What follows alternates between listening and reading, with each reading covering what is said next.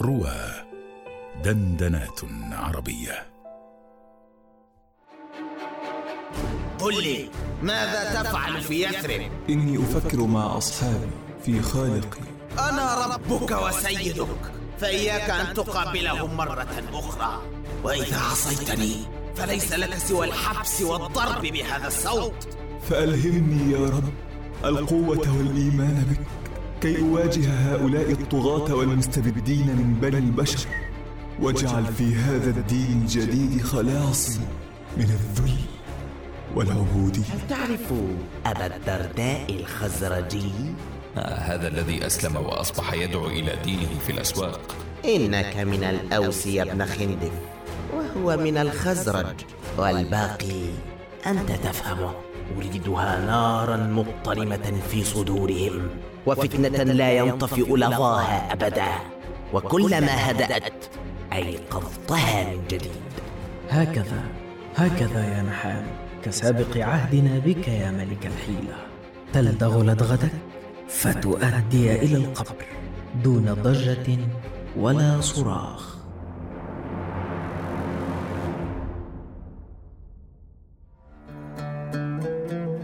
الفارسي. على رواه الحلقة الحادية عشرة لدغة الثعبان.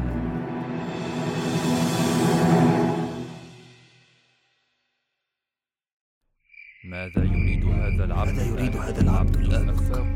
عبد كاذب. أفاق كاذب. مخادع هذا الكذاب. ماذا يريد هذا العبد الأبد؟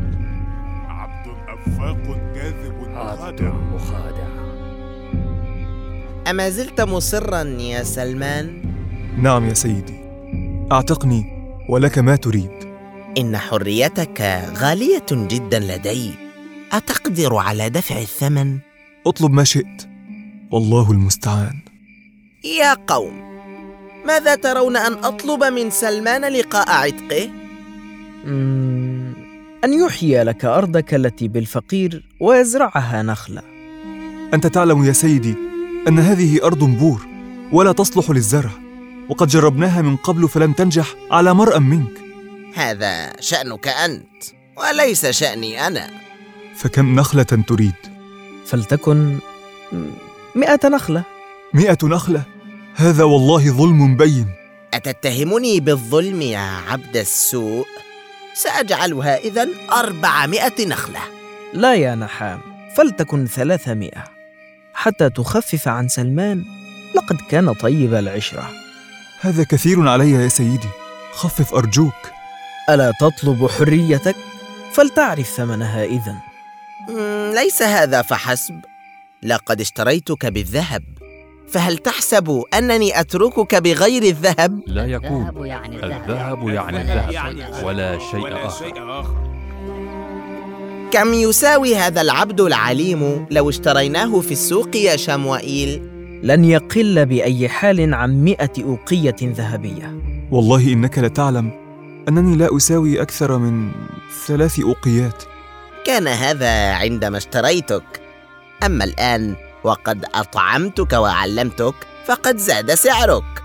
سأقبل منك أربعين أوقية ذهبا يا سلمان. إكراما للعشرة الحسنة. هذا شيء لا أملكه ولا أستطيعه. من أين لي بالذهب؟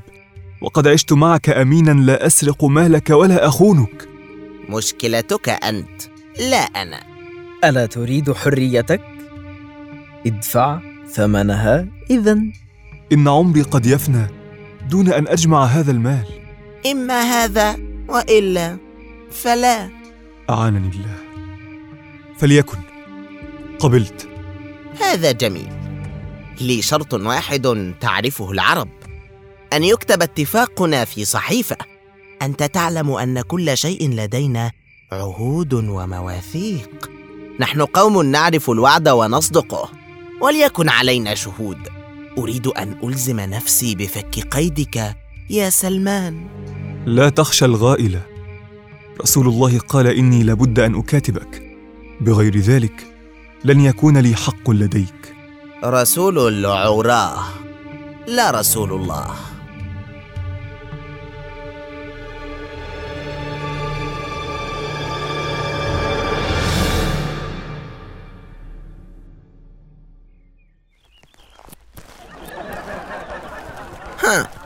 أتيت سريعا يا سلمان ولكن من هذان الأجربان إلى جوارك؟ هؤلاء شهودي على ما اتفقنا بلال الحبشي وصهيب الرومي وهذا أبو الدرداء أبو الدرداء لماذا نحل جسدك هكذا يا صاحبي؟ هداني الله لعافية الروح ولكن يا سلمان ما هذا الخليط بين الأجناس؟ رومي وحبشي وعربي وفارسي أهي حرب تجتمع لها الأمم؟ لقد آخى الإسلام بيننا. خيبك الله يا عبد السوء. حسبتك ستختار بدلا عني سيدا عربيا كي يحميك. فرأيتك قد اخترت عبيدا مستضعفين مثلك. ليسوا عبيدا وليسوا مستضعفين. لقد جاءوا بأسمالهم البالية إلى هنا. تالله إن مظهرهم لأحقر المظاهر دخولا إلى بيت نحام. وقد رأيت أهل يثرب يجمعون لهم الطعام والشراب ويؤونهم كالخدم في بيوتهم. قاتلك الله يا شموئيل لا أستطيع للضحك إيقافا. ما يهم؟ خذوا هذه الصحيفة. ففيها شروط العقد. اقرأوها جيدا. ناولها إياهم يا عبد السوء. هل تعرف يا سلمان جزاء من يخالف العقد في الموعد الذي حددناه؟ نعم. أن أعود إلى العبودية. هذا أمر لا مناص منه ولكن اقرأ الشرط الأخير في الصحيفة. إن الجزاء الأخير أخذ شهودك الذين يكفلونك عبيدا عندي. كلا يا سيدي لم نتفق على هذا. لا أقبل هذا الشرط. ألست واثقا من نفسك ومن إخلاصهم لك؟ لا أملك إلا نفسي. قد قرأوا الشرط وعرفوا ما نريد. أخبرهم ألا يوقعوا إذا لم يقبلوا به على من يكفل شخصا أن يتحمل مسؤولية الكفالة. هذا شرطي الذي لا أتنازل عنه. والآن أغرب عن وجهي. واغربوا أنتم أيضا بأسمالكم البالية. وحق التوراة. لترون مكر نحام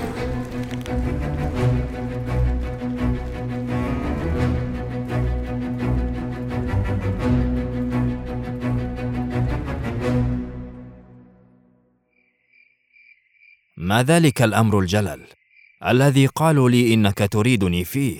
والله لولا أن يقول الناس إن نحاما لدى ابن سلول يدبر لمكيدة لأتيتك بنفسي. مم.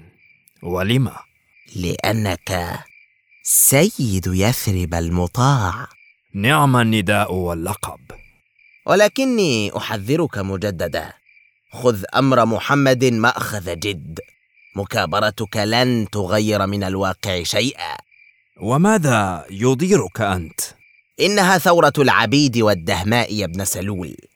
إذا استمر هذا الحال فلن نجد عبيدا ولا خدما ولا من يزرعون مزارعنا ويسقونها. وماذا أفعل يا نحام؟ إن محمدا يسحر الناس بحديثه المعسول تالله إنهم ليحبونه أكثر من آبائهم وأبنائهم. سأختصر ما لدي يا ابن سلول. لن أطيل عليك. لي عندك خطة من تدبير نحام. ستخلص لك يثرب بعدها خلوص الشعر من إناء الماء. ولكن سايرني فيها. فقل يا ملك الدهاء. إني أرى أن أن تسلم. هل جننت يا نحام؟ اسمعني فقط. اسمع. أسمع؟ ها! يقول الناس إن ابن سلول الذي ألب الدنيا على محمد سرا يأتي علنا ويبايعه أمام الكل. إن أحسن النية بي أحد فسيقول إني منافق مأجور.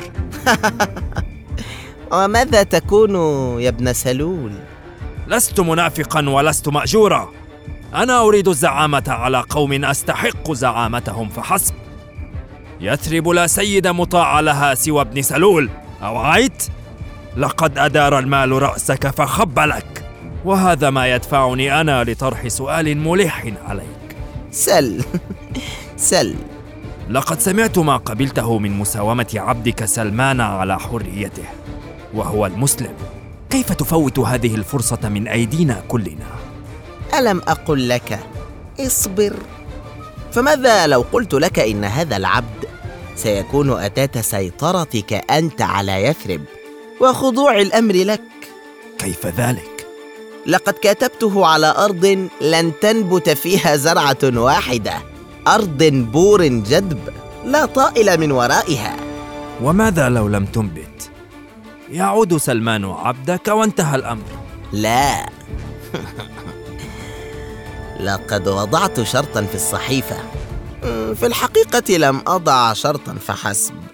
بل وضعت مكري كله. قل.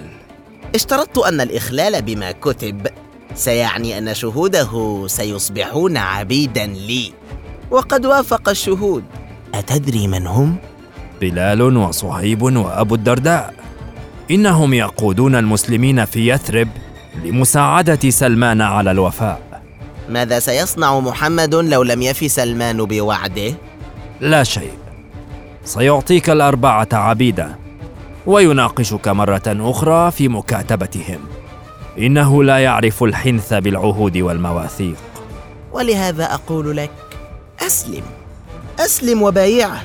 وحال عدم وفاء سلمان لن يكون إلا أحد أمرين لا ثالث لهما. أن يأتي الأربعة عبيدا لدي. وحينها ستؤلب الصف هناك على محمد من الداخل.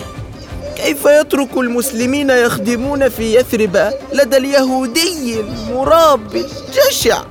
وقد حررهم الله من قيودهم أو أن يحنث محمد بالعهد ويرفض التسليم. وحينها تؤلب الدنيا على محمد الذي حنث وعده وأخلف يمين أصحابه وصار كما اليهود لا عهد لهم ولا ميثاق. أدريت الآن لما أقول لك أسلم ثعبان. حينما يراك أهل الحق صادحا به ولك ما لك أصلا من الزعامة ومعك كل قبائل اليهود فلن يكون حقا سيد مطاع ليثرب دونك. حينها تستنصر الجند فيكون لك ولخصمك لا لخصمك فقط. آه يا ابن آوى لم أكن أحسبك بكل هذا المكر. تلك هي قاصمة محمد.